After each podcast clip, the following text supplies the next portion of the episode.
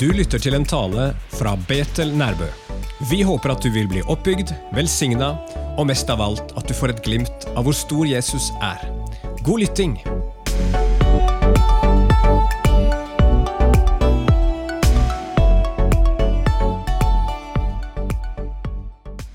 Gjøre Bibelen din klar hvis du vil. I eh, Johannes' åpenbaring. Og så eh, skal vi til kapittel 13 i dag.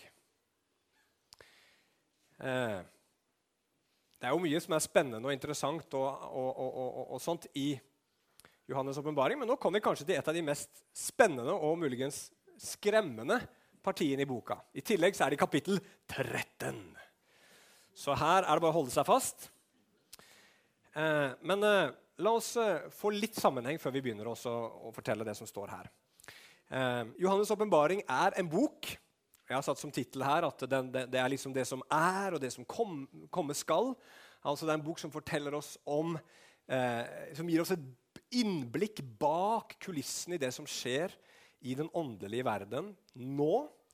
Og også noe om hva som skal skje når denne tidsalder nærmer seg sin slutt.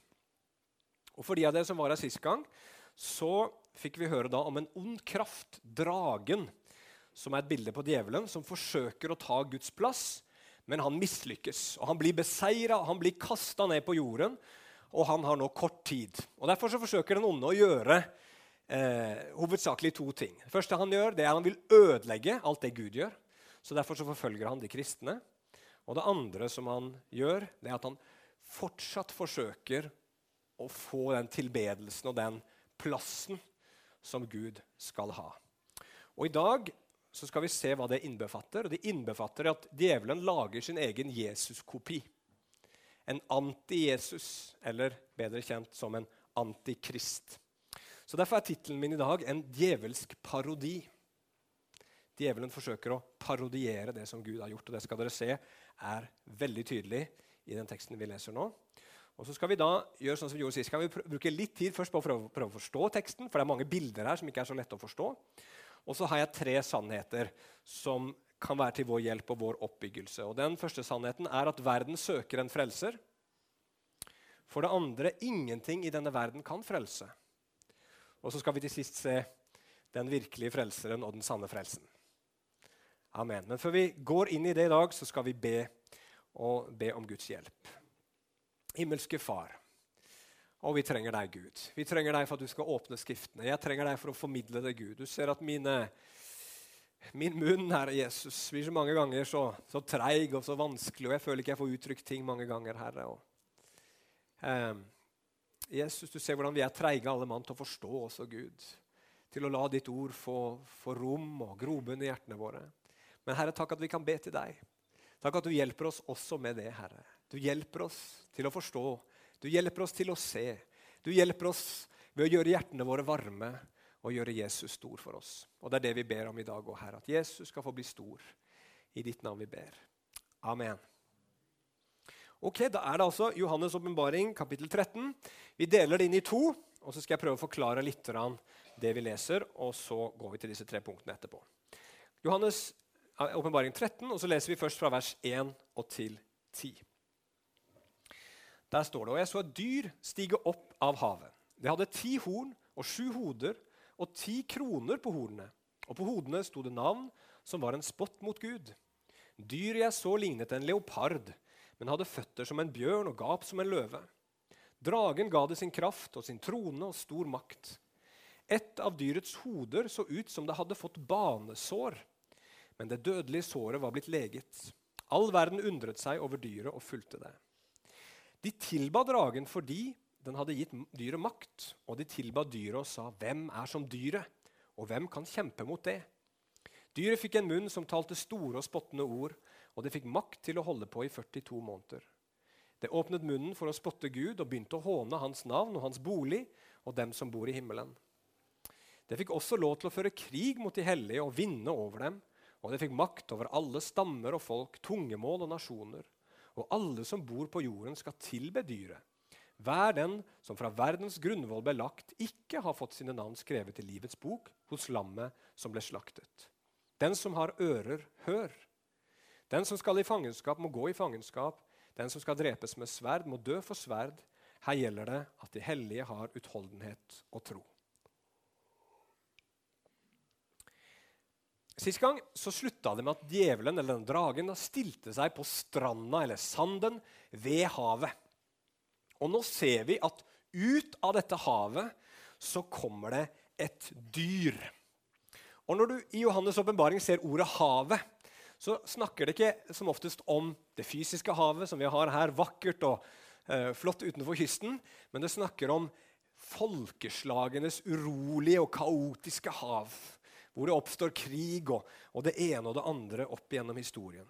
Og Opp av dette havet, opp av folkeslagenes kaos, så kommer det et dyr som har syv hoder, ti horn og ti kroner på disse hornene. Og så står det også at det, på hvert av hodene så, så er det noen sånne spottende eller blasfemiske navn.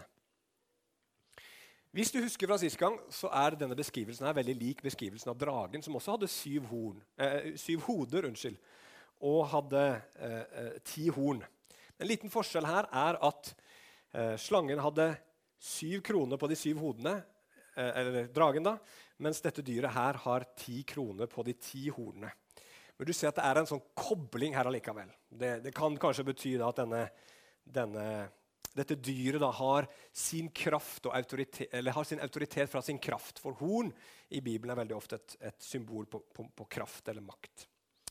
Men dette dyret her, da, og Nå har jeg forresten et bilde her. må ikke bli skremt, da, men jeg tenkte det var litt gøy å prøve å få til en eller annen sånn kunstnerisk framstilling av det. Så det ikke bare blir vår fantasi som skal prøve å finne ut av det her. Dette er jo ikke, noe, ikke henta fra Bibelen, da, men det er i hvert fall et bilde. Eh, men så blir det enda mer merkelig, for det står at dette dyret her ser ut som en leopard. Og så har det føtter som en bjørn, og så har det munn som en løve. Og da tenker vi Hæ? Hva i all verden betyr det? Vel, antageligvis så skjønte de som leste dette her eh, den gangen, at dette her var bilder henta fra Daniels bok.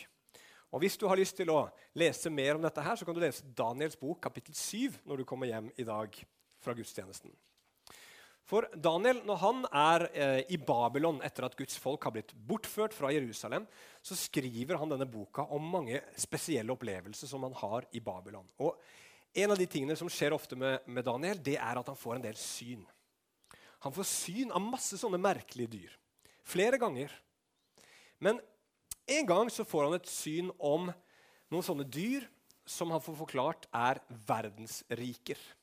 Og først, Det første dyret er en løve. Det er ett verdensrike. Og Så kommer det neste dyret. Det er en bjørn. Et annet verdensrike. Og Så kommer det tredje dyr. Det er som en leopard. Kjenner dere igjen bildene fra det vi nettopp leste? Og så kommer det til slutt et siste og et fjerde rike som man ikke beskriver som, som likt noe annet dyr eller vesen på jorda, men det ser bare helt fryktelig ut, sier han. Og så får han beskjed om at det også er et rike som skal regjere over hele verden, men at det også er konger. Altså Disse rikene står også som representanter for noen konger da, som regjerer disse rikene. Altså Noen diktatorer som i løpet av historiens gang har hatt kontroll nærmest over hele verden. Og Flere sånne riker opp gjennom historien fins det. Eh, og, og, faktisk I Daniels bok så står det beskrevet flere av disse rikene og hvilket rike det sikter til. Men Det trenger vi ikke gå inn på nå. Poenget er bare det her at når dette dyret stiger opp fra avgrunnen, så er det ikke sånn at en dag i framtiden skal liksom Godzilla komme opp av havet og begynne å spise en eller annen by. sånn som noen kanskje har sett i en eller annen film. Men dette her er symbolsk på et rike som skal, opp, som skal oppstå, et verdensomspennende rike som en gang i historien skal oppstå. Og ved roret i det riket så skal det være en mektig mann. Og Blir det en god konge og blir det et godt rike? Nei, her er det helt tydelig og klart, det blir det ikke. Fordi at bak så står dragen, altså den onde, som gir sin makt og sin autoritet til det dyret her. Henger dere med? Ja, noen, to, to, som nikka. Det var jo kjempeoppmuntrende for meg. Men det blir enda merkeligere, fordi at ett av hodene til det dyret her står det, som vi leste nå, ser ut til å ha fått et banesår, altså et dødelig sår. Faktisk, Hvis du leser på den greske teksten, så står det at det, blitt, det ser ut som om det har blitt slakta. Og for de som har veldig god hukommelse, så husker dere i kapittel 5 at der var det et lam. som så ut som det hadde blitt slakta. Og det var Jesus. Så her har vi et lam eh, Unnskyld, det kommer seinere. Nå må jeg ikke begynne å blande kortene her. Da blir det i hvert fall vanskelig å forstå. Men eh, her har vi altså et, eh, et hode da, som ser ut som det har blitt slakta, akkurat som Jesus. Og så står det at verden undrer seg, og de følger etter dette dyret. De begynner å beundre det, og så sier de, 'Hvem er som dette dyret?' Hvem kan krige mot og kjempe mot det? Og så står det at de tilber denne kongen. Altså de, de finner på en måte sitt håp og sin framtid og sin trygghet og sin sikkerhet i denne herskeren og dette riket. Og dermed så tilber de også djevelen som står bak. Og Så står det også da om dette vesenet, denne personen, at han skal få en stor munn som taler store ord og bespottelser. Hva i all verden er det? Jo, Paulus han forklarer det i 2. Tessalonikerbrev, kapittel 2, vers 4, ved å si følgende om en som han kaller for fortapelsens sønn, eller lovløshetens et eller annet konge. eller noe sånt. Noe. Han sier at han står imot og opphøyer seg over alt som kalles Gud, eller som blir tilbedt, slik at han sitter som om han var Gud i Guds tempel, og viser seg selv fram som om han var Gud. Hvordan spotter denne verdensherskeren Gud? Jo, ved selv å framstille seg selv som Gud.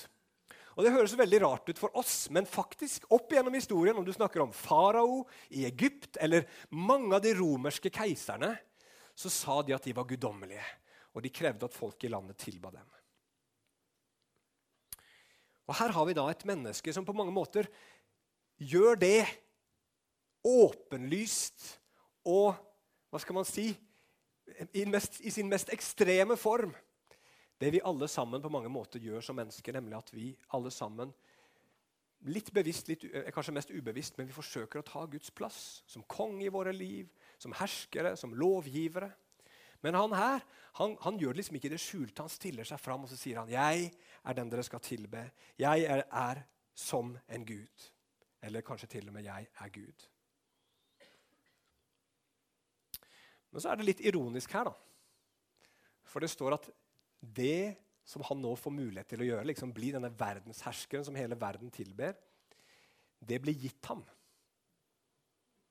Og Når det står det i Bibelen at noe blir gitt, det står i sånn passiv form, som det heter, så er det veldig ofte Gud det handler om. Og I tillegg så, så, så, så Det betyr at Gud tillater at han holder på. Og I tillegg så står det at han tillater han å holde på med det en kort tid. 42 måneder står det her. Som er det samme som 1260 dager og 3 15 år. Og det har vi vært borti før. Husker dere det? Hvis dere husker, Sist gang så snakka vi om disse 3 15 årene. Nå har jeg laget en liten plansje her som skal hjelpe oss litt. 3 15 år. I de 3 15 årene så var tempelet beskytta. Husker dere det? Og De to vitnene de profeterte i 3 15 år. Og kvinnen i ørkenen var også beskytta i disse 3 15 årene. Hva handla det om? Jo, det handla om menigheten. Det var Guds folk, tempelet var Guds folk, de to vitnene var Guds folk, kvinnene var Guds folk. Og i disse tre og et halvt årene, som er en symbolsk tid, som jeg tenker er fra Jesu døde oppstandelse fram mot endens tid, og som intensiveres i endens tid, i denne tiden her sånn, så, som er en symbolsk tid, som sagt, så har Gud holdt sin hånd over dem. Men så kommer det da og, ja, og så husker vi også da, sist gang med disse to vitnene, at det kom dette dyret opp. Det er ikke sist gang, det er to ganger siden. Dette dyret kom opp av avgrunnen og kjempa mot disse to vitnene og seira over dem. Og Det leste vi også i dagens tekst. At dette dyret får makt over de hellige og seirer over dem. Og Alt dette her skal pågå i tre og et halvt år. Er det de samme tre og et halvt årene? Det kan virke som om det ikke er det. Daniel snakker om at det skal være sju år som innebefatter endens tid. Og jeg tenker at Det er symbolske tider. Tre og et halvt år først da fra Jesus står opp igjen, til denne tiden hvor denne person, dette dyret, som også kalles antikrist i Bibelen, står fram på scenen, fører krig mot Guds menighet og ser ut til å utslette den. Og så skal han regjere i tre og et halvt år. Og Det tror jeg også er en symbolsk tid. Men ikke fordi den blir så lang, men fordi den blir så kort. Hvis du leser Litt seinere i boka så blir den tiden nærmest kalt for en time. i 17 vers 12. Den blir korta ned, og Jesus snakker også om den tiden og sier hvis ikke den tiden hadde blitt korta ned, så ville ingen blitt frelst. Så det blir en kort triumf. Han får den onde får på en måte sin vei og sin vilje. Mennesket får liksom herje fritt på jorda og gjøre sitt opprør mot Gud. Akkurat sånn som menneskeheten vil, og si nå hopper vi et menneske til å være Gud. Nå skal vi styre og ordne dette selv. Gud lar oss mennesker få, få vise hvor bra vi kan få det til når han slipper oss løs og lar oss få gjøre akkurat sånn som vi vil. Men det blir ikke så veldig, veldig bra. Som vi snart skal se. Men det står at alle på jorda da, skal komme under denne lederens og dette rikets makt. Og så skal de tilbe han, alle sammen unntatt én gruppe. Og det er de som har sitt navn innskrevet i Lammets bok. Han som ble slakta fra før verdens grunnvoll ble lagt. Og det er de sanne kristne. Så sier Jesus, eh, eller ikke akkurat Jesus her, da, men han sier det ellers. Men det står 'den som har ører, han hører'. Og Det var noe Jesus sa veldig veldig ofte når han fortalte lignelser. Husker dere det fra evangeliene? Hvorfor sa Jesus det? Jo, Han sa ikke det for at bruk ørene dine godt, men han mente tenk nøye over det jeg sier nå. Og her tror jeg at Bibelen vil at vi skal tenke over hva det vil si å være en sann kristen. For hva vil det si når vi bekjenner vår tro på Jesus? Jo, det betyr mer enn å bare si 'jeg tror på Jesus'. Det betyr at det er han vi tilber og er lojal imot over alt mulig annet på jorda. Han er over samfunnets autoritet, han er over kulturen, han er over staten, han er over lederne deres. Hvis de krever vår lojalitet, og den går imot vår lojalitet mot Jesus, så er det Jesus vi følger. Det er det det betyr å være en kristen. Men da er det en pris å betale, står det her. Da betyr det for noen at det fører dem i fangenskap. Men det skal de akseptere. Det betyr for noen død, men det skal de også akseptere. Og hvorfor i all verden?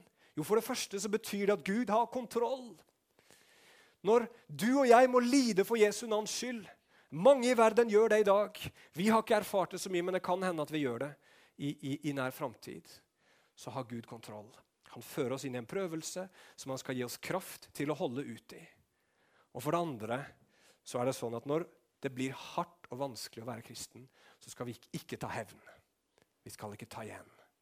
Men som det står her, her gjelder det at de hellige har utholdenhet og tro. Og som ikke dette kunne bli enda mer forvirrende, så blir det det. For det kommer enda et dyr som dukker opp på scenen. Og det skal vi lese om nå, fra vers 11 til 18. Og jeg så et annet dyr stige opp av jorden. Det hadde to horn som et lam, men talte som en drage. All den makt det første dyret har, bruker det andre dyret i tjeneste for det første. Det får jorden og dem som bor der, til å tilbe det første dyret, det som hadde fått banesåret sitt leget. Det gjør store tegn. Det lar til og med ild fra himmelen fare ned på jorden midt for øynene på folk. Det forfører dem som bor på jorden, med tegnene det får gjøre i dyrets tjeneste. Det sier til jordens folk at de skal lage et bilde til ære for dyret, det som var såret med sverd, men livnet til igjen. Det fikk makt til å blåse liv i dyrets bilde, så det kunne tale, og til å få drept alle som ikke tilba dyrets bilde. Det tvinger alle, små og store, rike og fattige, frie og slaver, til å ha et merke på sin høyre hånd eller på pannen. Og ingen kan kjøpe eller selge eh, noe uten å ha dette merket. Dyrets navn eller det tall som svarer til navnet. Her gjelder det å ha visdom. La den som har forstand, regne ut dyrets tall, for det er et menneskes tall, og tallet er 666. Ok, Dette her er jo veldig kjent sikkert for mange. Mange har hørt om 666 og dyrets merke. Nå skal vi prøve å forstå dette her i sammenheng med det andre. For Her er det et nytt dyr som stiger opp. Ja, det er antageligvis et menneske. Og det kalles dette dyret seinere i Johannes' åpenbaring for den falske profet. Eh, det er ikke så skremmende som det første dyret. Det ser ut som et lam. Har to små horn, eller kanskje store. jeg vet ikke. Men det er, liksom, det er ikke så mye makt og kraft. Dette sværdyret hadde ti horn, mye kraft. To små horn. Og minner litt om Jesus, gjør det ikke det? Et lam. Men det er ikke Jesus. Men det er en eller annen som ligner på Jesus. men som taler som en drage, står det. Som er inspirert av djevelen og får makt fra han. Så kommer det her ikke opp fra havet, men det kommer opp fra jorda. Det er en litt sånn uenighet om hva det betyr. Noen mener at det kanskje er fordi den kommer fra Israel, som oftest kalles for jorden i Bibelen. Uansett så er det tydelig at dette vesenet her ikke er som det første dyret som er ute etter å promotere seg selv, men dette dyret her er ute etter å promotere det første dyret. Det som vi kaller for antikrist. Og dette her blir som en slags prest som prøver å få hele verden med på tilbedelsen av det første dyret. Og Så bruker det en del triks. Den eh, viser tegn som å få ild, fra, ild til å falle ned fra himmelen. Og så lager den et bilde av dette dyret som den får til å tale. Og I tillegg så innfører den et system på jorda hvor den gjør det sånn at de som ikke vil tilbe dette dyret, blir drept.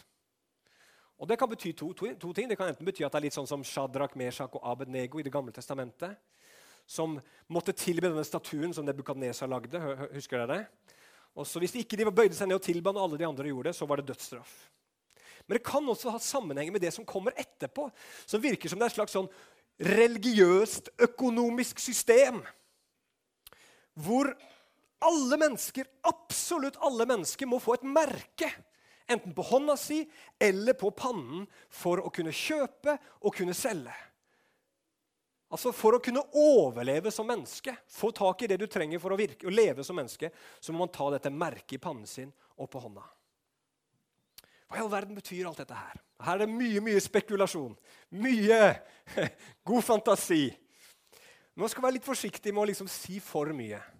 For det er ikke sikkert ting blir helt sånn som vi har tenkt. Det er veldig morsomt å lese sånne bøker om om Johannes' åpenbaring som er skrevet for kanskje 10 eller, eller, unnskyld, for, ja, for, eksempel for, for 40 år siden, hvor man er helt overbevist om at dyret er Sovjetunionen, eller, ikke som ikke fins lenger den dag i dag. Eller for, for, 200 år siden, hvor verden så helt annerledes ut.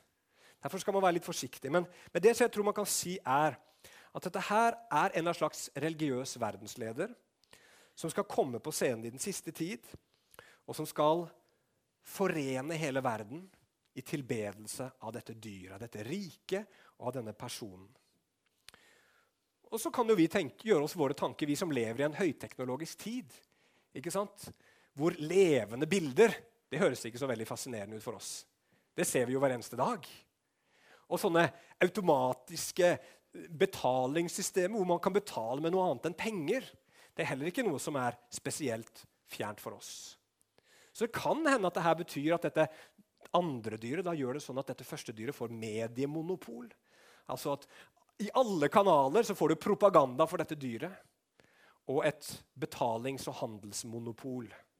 At du på en eller annen måte må gå inn i dette systemet her. Kanskje, sånn som noen sier, men det vet vi ikke, og det skal vi ikke spekulere for mye i heller, med f.eks. en eller annen chip som du jo nå kan få implantert i hånda di hvis du vil, og bruke til å åpne dører med og diverse sånt. Men poenget her er ikke liksom dette betalingssystemet. Men Poenget er at det merket her, 666, det symboliserer noe mye mer enn at bare her har man fått til et smart økonomisk system. Det signaliserer hvem du hører til. I kapittel 7 så sto det at Gud sendte ut en engel for å merke pannen til sine tjenere. Som et symbol på at de hørte til Jesus, at de stolte på Jesus og var under Jesu beskyttelse. Og her i dette tilfellet så blir det å ta dyrets merke på sin hånd eller sin panne og si at man tilhører denne antikrist, og man legger seg under dennes beskyttelse. Og merket 666 står det, står for hans navn. Og hva betyr det? 666, eller 666, som det egentlig står. Vel, her har det vært mange fantasifulle eksempler opp gjennom historien hvor man har gitt noen sånne kjente perso historiske personers navn, forskjellige eh, tallverdier etter hvilke bokstaver som er brukt, og så har man regna seg fram til at deres navn blir 666. Og Det har blitt gjort med keiser Nero, en gammel romersk keiser, Napoleon og Hitler og Obama. Og mange har man liksom klart å regne seg fram til at tallet er liksom 666. Men ingen av de var antikrist. Og det er mye spekulasjon rundt det, men kanskje vi skal bare gjøre det veldig, veldig enkelt og si at 666, som det står her, er et menneskes tall. Det fullkomne tallet er syv. Det er Guds tall. Men her er det et tall som kommer til kort. Det er et tall som ikke når opp til Gud. Det er et tall som ikke er syv. Det er tallet seks. Det er noe svakt og det er noe ufullkomment med det. Det vi ser her, er et forsøk på å være som Gud. Men det kommer til kort. Det er et forsøk på å frelse verden som mislykkes. Det tror jeg er betydningen av det her. Ok. Hva betyr det her for oss? Nå har jeg noen få punkter til slutt. Dere sovner i hvert fall ikke av det her, selv om dere sikkert er litt forvirra. ok, jeg har tre punkter til slutt for å gjøre dette litt mer konkret for oss. Verden søker en frelser. Altså, Det høres jo litt utrolig ut kanskje nå som vi lever i demokratiets tidsalder. At det på et eller annet tidspunkt i verdens historie skal falle tilbake igjen til et totalitært samfunn med en verdensleder som har kontroll over alt og alle. Men jeg tror det er mulig. Jeg tror det er veldig mulig. For det første fordi vi mennesker vi vet at det er noe galt med den verden her. Alle mennesker ser at ting er ikke sånn som de skal være. og Vi snakker sånn hele tiden. Det burde ikke være sånn. Og så ser hver eneste generasjon denne mangelen, dette som ikke er som det skal utspille seg i sitt samfunn. Det kan være økonomisk urettferdighet. Det kan være det som vi ser akkurat nå, hvor vi har en økologisk krise. Hvor vi ødelegger naturressursene våre. Ødelegger framtiden vår gjennom forurensning og plast og overforbruk osv. Leste nettopp at de siste 40 årene så har 60% av alle ville dyr Eller så har man fått 60% Nei, man har, ja, 60% reduksjon i fall, av ville dyr i verden de siste 40 årene pga. det vi mennesker driver. Eh, vi har terrorisme, vi har multikulturelle gnisninger både utenfor og innad i, i, land. Og vi har mange ustabile nasjoner i verden i dag med masseødeleggelsesvåpen. Vi står overfor potensiell vann- og matmangel, og det vil mest av alt ramme de fattigste av de fattige osv. Og når sånne kriser tiltar og blir større og større og vanskeligere og vanskeligere å håndtere, så har det gang på gang vist seg i historien at da gjør menneskene stort sett én ting. De ser til de sterke. De ser til de sterke lederne. De ser etter en eller annen som dominerer, og som kan bli en eller annen redningsmann. Og Det er nærmest som en sånn ryggmargsrefleks som ligger i alle mennesker. At vi trenger en eller annen som kan stille seg opp og være liksom den som redder oss i vår tid.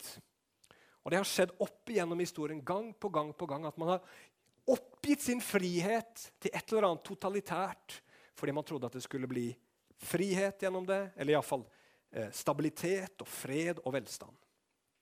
Det var sånn Tyskland eh, falt under Hitlers makt, f.eks. Og Det er ganske interessant å se.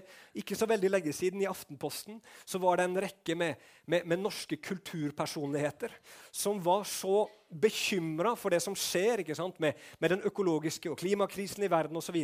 At de kom til, de skrev en kronikk i Aftenposten hvor de sa at vi vil at det skal bli etablert et råd over vår regjering, som står der for å holde vår regjering ansvarlig de demokratisk valgte, folkeforsamling og regjering, holde dem ansvarlige eh, over, i forhold til det med, med å, å, ta godt vare på klima og miljø. og sånne ting som det.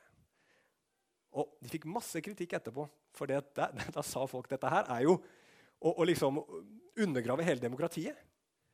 Men sånn ligger det i oss mennesker at når vi ser at dette demokratiet, som ikke fungerer alltid så veldig godt, spesielt ikke når det blir krise For da blir jo folk i hvert fall uenige om hva vi må gjøre. Da søker man den sterke mannen. Åpenbaringen sier at en sånn mann skal stå fram. Han, han, han, han, skal være, han skal se ut som han døde og skal komme til liv igjen. og Hva det betyr, det aner jeg ikke. Men i hvert fall så, det, så betyr det at verden kommer til å beundre han. Han kommer, kommer til å bli sett på som en helt eksepsjonell person. Som er så mektig og så dyktig, og som klarer å forene hele jorda under sitt styre. Og folk tenker at dette her dette skal bli bra. Han skal være vår redningsmann. Han blir en slags Messias for en verden i krise. Men er det en god idé? Nei, det er like dårlig idé. Det kommer til å bli en like dårlig idé da som det var da Mao kom til makten, eller Stalin regjerte, eller da Djengis Khan holdt på, eller hva, hva du vil. For det Bibelen sier at bak dette her så står det onde krefter. Og ikke minst fordi, som det er punkt nummer to, ingenting i denne verden kan frelse. Ingenting i denne verden kan gi oss den redningen som vi egentlig trenger. Bare se på hvordan Antikrist tenker å redde verden. Hva er det han gjør for noe? Hva er det han gjør for å skape fred og harmoni i verden? Jo, han tvinger verden til lydighet. Han vil ha absolutt lojalitet. Og Er det sånn at du kan velge om du vil være lojal mot Antikrist eller ikke? Nei, det står. Hvis ikke du bøyer deg, så blir det fengsel eller død. Han redder verden i hermetegn ved å ta fra verden friheten. Så står det videre at han manipulerer med løgn. Han får en slags profet som kommer på verdensarenaen og forfører verden og får dem til å tro at det som ikke er sant, er sant. Og Sånn har sånne totalitære regimer alltid gjort. Eh, Sovjetunionen hadde jo sin berømte avis Pravda. Noen som husker den? Det var jo propagandaapparatet til Sovjetunionen. Vet dere hva Pravda betyr for noe? Sannhet.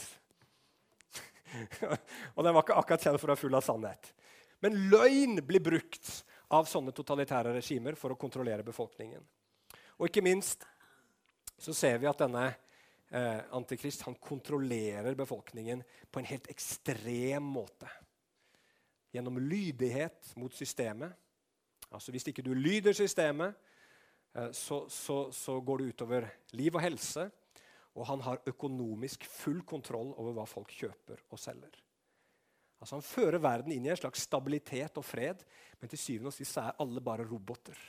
Alle bare gjør det som denne makten ovenfra, ovenfra tvinger dem til å gjøre. Og han har full kontroll på hver eneste en av dem.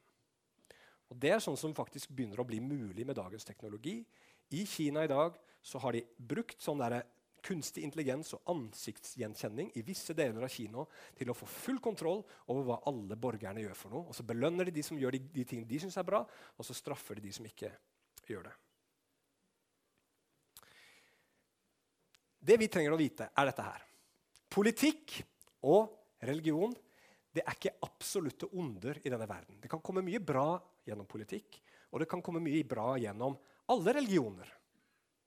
Men og det, det, betyr ikke at jeg mener at alle religioner er sanne. for all del, ikke noen tror det.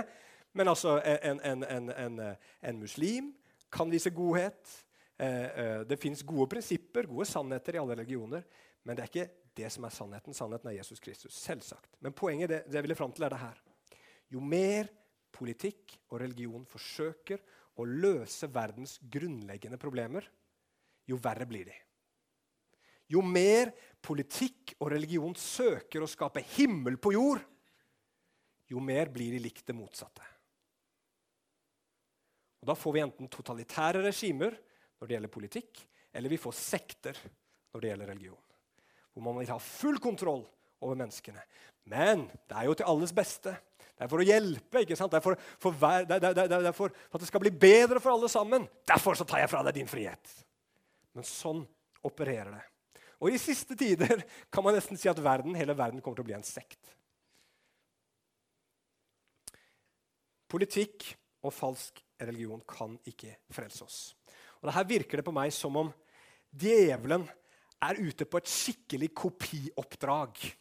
Han vet hvem som er verdens frelser, men han vil ikke at verden skal bøye seg for han som er verdens frelser. Han vil være verdens frelser. Han vil bli tilbedt. Derfor så fører han fram disse to dyrene på verdensscenen, og sammen så blir disse tre en slags vanhellig treenighet. Ser dere det? Fader, Sønn og Hellig Ånd, som vi tror på. Og her har du dragen, og så har du dyret, og så har du den falske profet. Og dette dyret ligner på Jesus. ikke sant? Det har blitt slakta og så kommet til liv igjen. Denne falske profeten ser ut som et lam. Minner oss om Jesus. Det er liksom kopi på kopi på kopi. Og det, er så mange ting, Hvis du ser den teksten, her, så ser du at djevelen holder på å kopiere Gud. Og framstille seg selv som verdens frelser.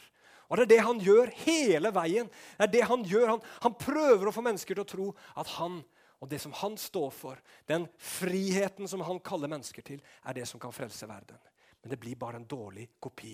Det blir sex, sex, sex. Det blir ikke noe fullkomment over det. Det blir ikke noe kraft over det. Det kan ikke frelse. Det finnes ingen frelse i denne verden. Men verden de vil så gjerne at det skal finnes. Og Derfor blir verden lurt gang på gang på gang. Men så leste vi til slutt om at det fantes noen som ikke bøyde seg for det her. Og det var de som hadde navnet skrevet i livets bok. Det var de som hadde funnet den virkelige frelseren. De kunne ikke bøye seg for Antikrist, for de hadde allerede bøyd seg for Jesus. De kunne ikke bøye seg for denne onde makten som, ville, som lovte dem frihet, men brakte fangenskap. For de visste hva sannheten var. De visste hva sann frihet var. De vet, for de har smakt og kjent at Herren er god.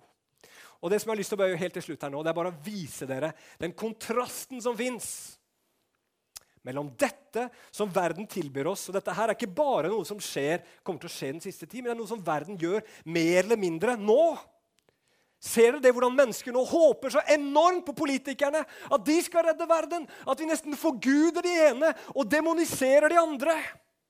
Ser dere hvordan mennesker hele veien søker hjelp, frelse, løsning i alle denne verdens religioner? Men det er bare tomhet og jag etter vind. Men vi har noe annet, dere. Vi har et budskap som er helt annerledes, og som gir håp. Og som, det, det, som om den, handler om den virkelige frelseren og den sanne frelsen. Gud i det sanne evangeliet han gir oss sannhet.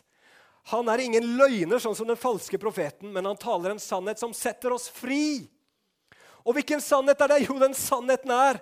Og det er den sannheten som ingen i denne verden vil gi oss, men som like fullt er sann og det er at vi er mye verre enn vi tror. Hvorfor klarer vi ikke å frelse oss sjøl? Fordi vi er fullstendig håpløse. For det fins ikke noe håp for oss. Vi er gått fra lyset hos Gud til mørket. Vi er døde i våre synder. Det er noe alvorlig galt med oss. Men den sannheten Gud gir, er ikke bare at det er noe alvorlig galt med oss, men det er at allikevel så elsker Gud oss så mye at han ga sin egen, egen sønn. Så Gud gir sannhet og ikke løgn. Og så ser vi dette offeret som jeg nettopp nevnte nå, dette kostbare offeret. Som, som, som, dette dyret bare kommer med en kopi av. Det ser ut som det er såra. Men hvorfor ser det ut som det er såra å komme til liv igjen? Jo, for at det vil bli beundra, og det vil bli etterfulgt.